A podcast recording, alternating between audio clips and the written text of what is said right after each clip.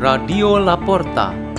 The door is open for you for the growing of knowledge and wisdom of God.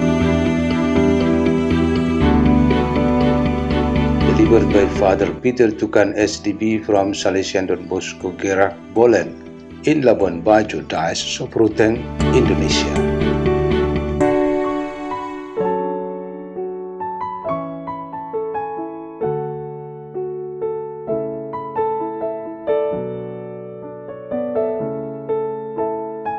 Reading and meditation on the Word of God on Wednesday of the special day of Advent, December 20, 2023.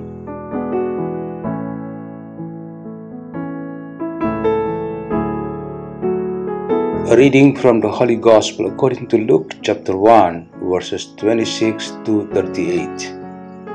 In the sixth month, the angel Gabriel was sent from God to a town of Galilee called Nazareth to a virgin betrothed to a man named Joseph of the house of David, and the virgin's name was Mary.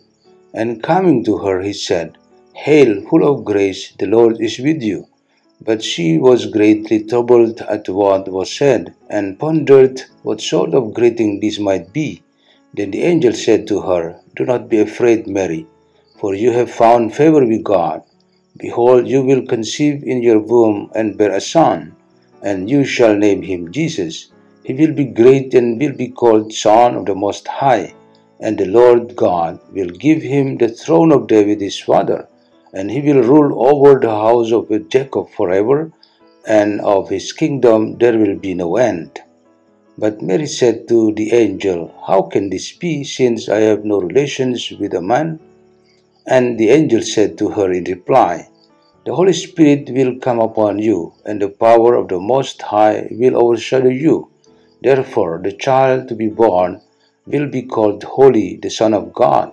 And behold, Elizabeth, your relative, has also conceived a son in her old age. And this is the sixth month for her who was called barren, for nothing will be impossible for God. Mary said, Behold, I am the handmaid of the Lord, may it be done to me according to your word. Then the angel departed from her. The Gospel of the Lord.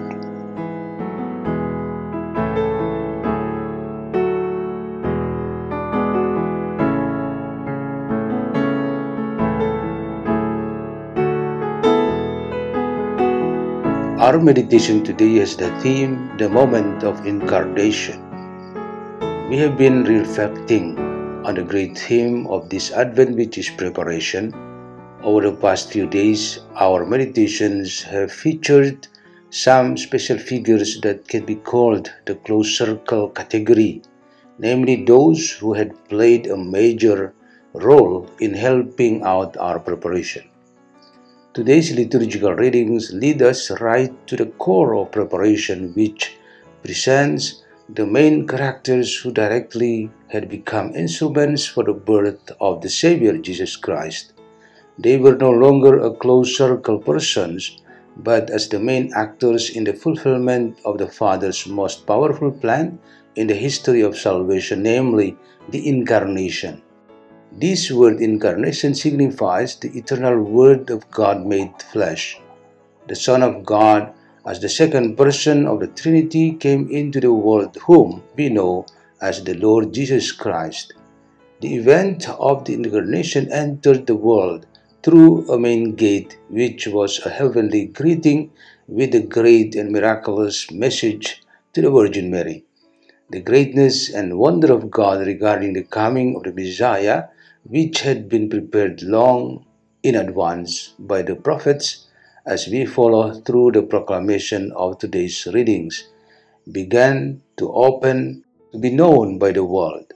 This Annunciation event presented the following main characters, namely the Archangel Gabriel, who brought the joyful glad tidings from God, the Virgin Mary of Nazareth in the Galilee region, and her future husband Joseph. They were the main actors who had played a direct role in the birth of Jesus Christ into the world. We are on our way to the pinnacle of incarnation. Today we are at the entrance, which is to experience the joyful greeting addressed to Mary. the greeting which was becoming a great miracle, the Word made flesh, and Mary's answer, which was an expression of such great faith. Everything that happened at the gate of this incarnation indeed confirmed what the prophet Isaiah had previously said when he delivered this joyful news to the family of David that a woman would give birth to Emmanuel. So, this great and magnificent greeting to be the gate of incarnation had been designed and prepared so long time ago. We should not be the outsiders, the circle to just watching and admiring. We better go in and pass through the gate that we may experience that great and miraculous greeting. Moreover, such greeting that says, The Lord be with you, also comes to each of us and our families. It is amazing how the incarnation takes place, where the eternal Word enters and dwells in us. Our real preparation is to be at the gate of the incarnation, but we should not be far from there or just watching from distance. Let us pray. In the name of the Father, and of the Son, and of the Holy Spirit. Amen. O great and marvelous God, may we rejoice even more when we are in this imminent preparation to celebrate the feast of the coming of Jesus Christ our Lord. Glory to the Father, and to the Son, and to the Holy Spirit, as it was in the beginning, is now, and ever shall be, world without end. Amen. In the name of the Father, and of the Son, and of the Holy Spirit. Amen. Radio La Porta. The door is open for you.